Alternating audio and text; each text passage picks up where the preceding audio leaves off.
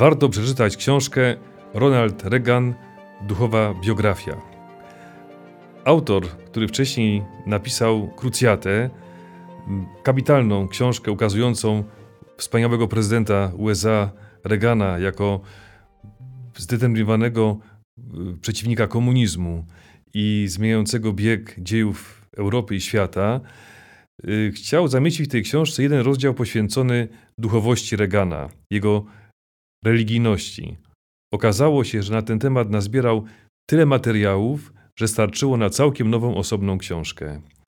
Reagan był człowiekiem głęboko wierzącym. Zapytany przez jednego z dziennikarzy, jak to się stało, że doprowadził do upadku komunizmu na świecie, powiedział: To nie jest moja zasługa. To jest zasługa całego naszego teamu, kierowanego przez Bożą opatrzność. Historia Regana skojarzyła mi się z dzisiejszą Ewangelią. Jezus mówi, że jest krzewem winnym, a ojciec tym, który ten krzew uprawia. Wszystkie gałązki, które nie przynoszą owoców, ten ojciec, Bóg, dobry rolnik, odcina, a te, które przynoszą owoc, oczyszcza.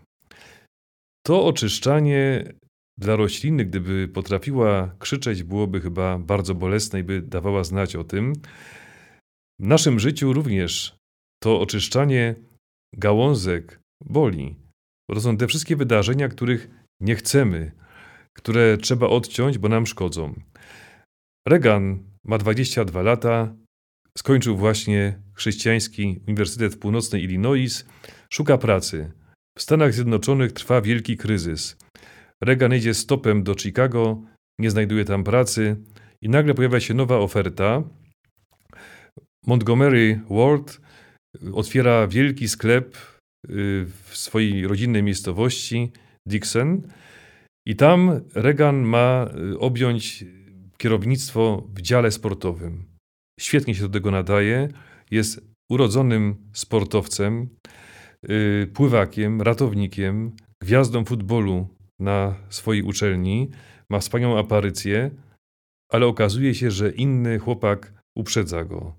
Nie dostaje tej pracy, a miałby 12,5 dolara na tydzień, uratowałby swoją rodzinę.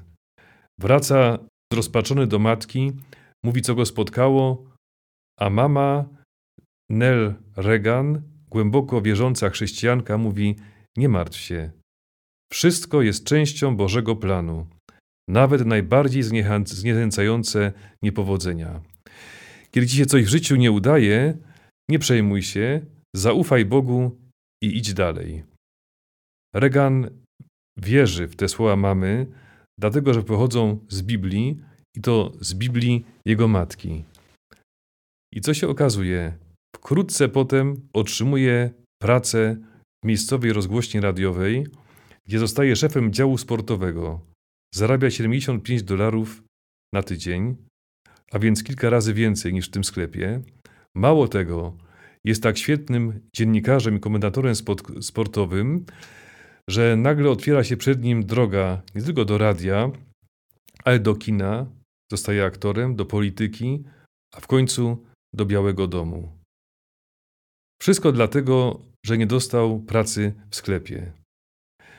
Moi drodzy, ojciec jest najlepszym opiekunem winnej latorośli i wie, które gałązki należy odciąć dla naszego dobra. Więc jeśli coś cię w życiu boli, coś ci się nie udaje, czujesz, że coś w twoim życiu odpada, nie martw się. Zaufaj dobremu Bogu. Ostatnio mieliśmy tutaj z księdzem Piotrem yy, żniwa, tą miętę, którą widzieliście nieraz w naszych filmikach, yy, ścinaliśmy. Zrobiliśmy z tego wspaniały syrop miętowy z cytryną, ale mało tego, również musieliśmy tą miętę oczyścić, bo było wiele pędów, które już były zeschnięte, suche, nie nadawały się do niczego. Okazuje się, że podobnie jest winną latoroślą. W tych pędach do odcięcia, takich zdrewniałych, yy, suchych, nadgniłych, yy, tam lęgną się wszystkie szkodniki, które niszczą potem winorość. Tam są pasożyty, tam y, toczy się grzybica i gdyby uprawiający nie odciął tych pędów, zniszczyłby całą winorośl. Moi kochani, mam tutaj y, może nie winorośl, ale to jest fikus Beniamina. chcę sobie ten fikus y, ukorzenić. W internecie poszukałem sposobów, takich porad, jak najlepiej ukorzeniać y, tego typu rośliny. Co się okazuje? Trzeba zostawić dwa listki, to jest dobry sposób, a wszystkie inne y, pędy i listki odciąć.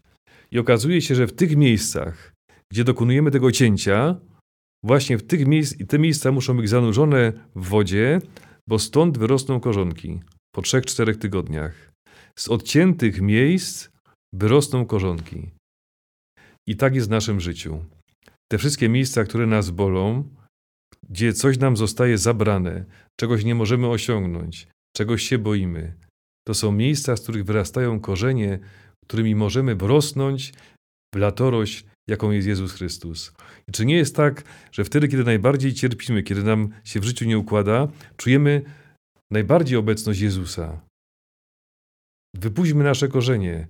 Starajmy się, żeby te miejsca, które są otwartą raną nieraz, były szansą, że te, tymi miejscami wszczepimy się w pień tej latorośli, a jest tym, tym pniem Jezus Chrystus.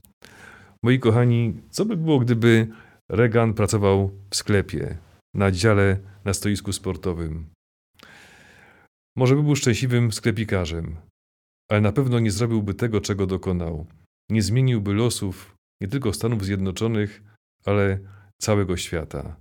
Bo to on przecież z Janem Pawłem II doprowadzili do zmiany oblicza tej ziemi na przełomowym okresie dziejów Europy i świata.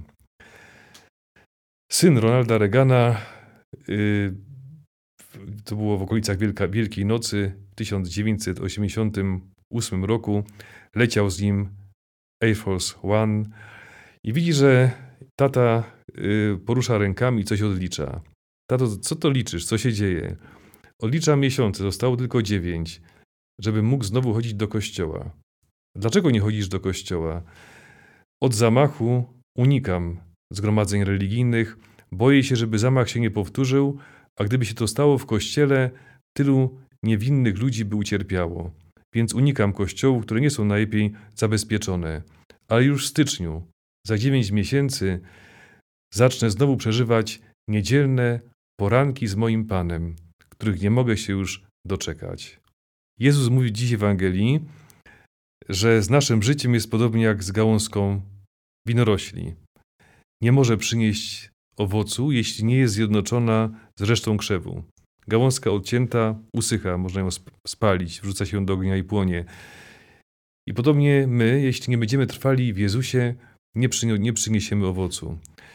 Ktoś może powiedzieć, no dobrze, ale są ludzie niewierzący, nie mający żadnego związku z Jezusem, a wśród nich są owoce. Też nad tym myślałem i przypomniała mi się moja wycieczka sprzed paru lat.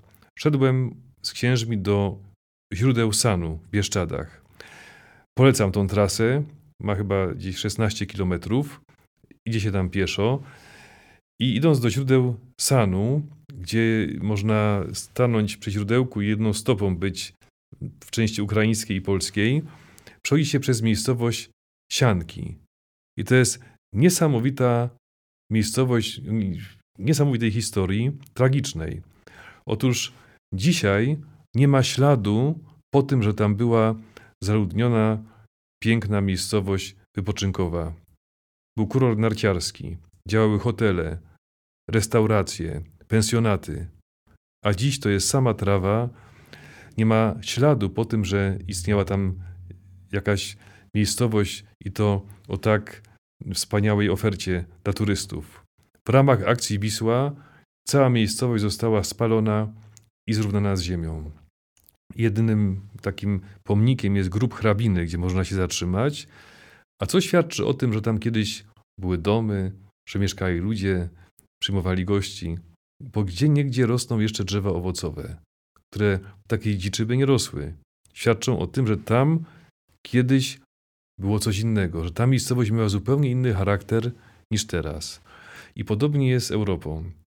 To, że mówi się dużo o braterstwie, że jest jeszcze humanizm, to są wszystko pozostałości po tym, co wniósł Jezus Chrystus. Europa odżegnuje się dzisiaj od Ewangelii. Natomiast to, że jeszcze mamy pewne wartości duchowe, to, że jeszcze rozwija się jakiś etos, to jest spuścizna chrześcijaństwa, która tak jak te sady została, zostały w siankach, tak gdzieś jeszcze, jeszcze jest, jeszcze się rozwija, jeszcze jakimś rozpędem to wszystko trwa. Ale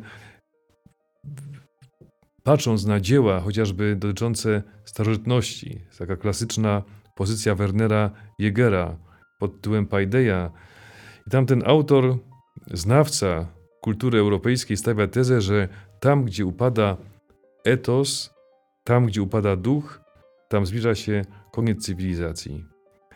Latorość, która jest zakorzeniona, gałązka, która jest zakorzeniona, zaszczepiona w innej latorośli, przynosi owoc. Wypuść korzenie w tych miejscach, które są najbardziej bolesne, które napełniają cię największym lękiem i obawą, kryje się największa szansa. Ojciec macie w swojej opiece. To on opiekuje się latoroślą Twojego życia. Jeżeli coś odcina, gdzieś mówi nie, gdzieś ta jego ojcowska ręka dokonuje cięcia, to właśnie to miejsce staje się szansą zakorzenienia się w Chrystusie. Skorzystajmy z tej szansy.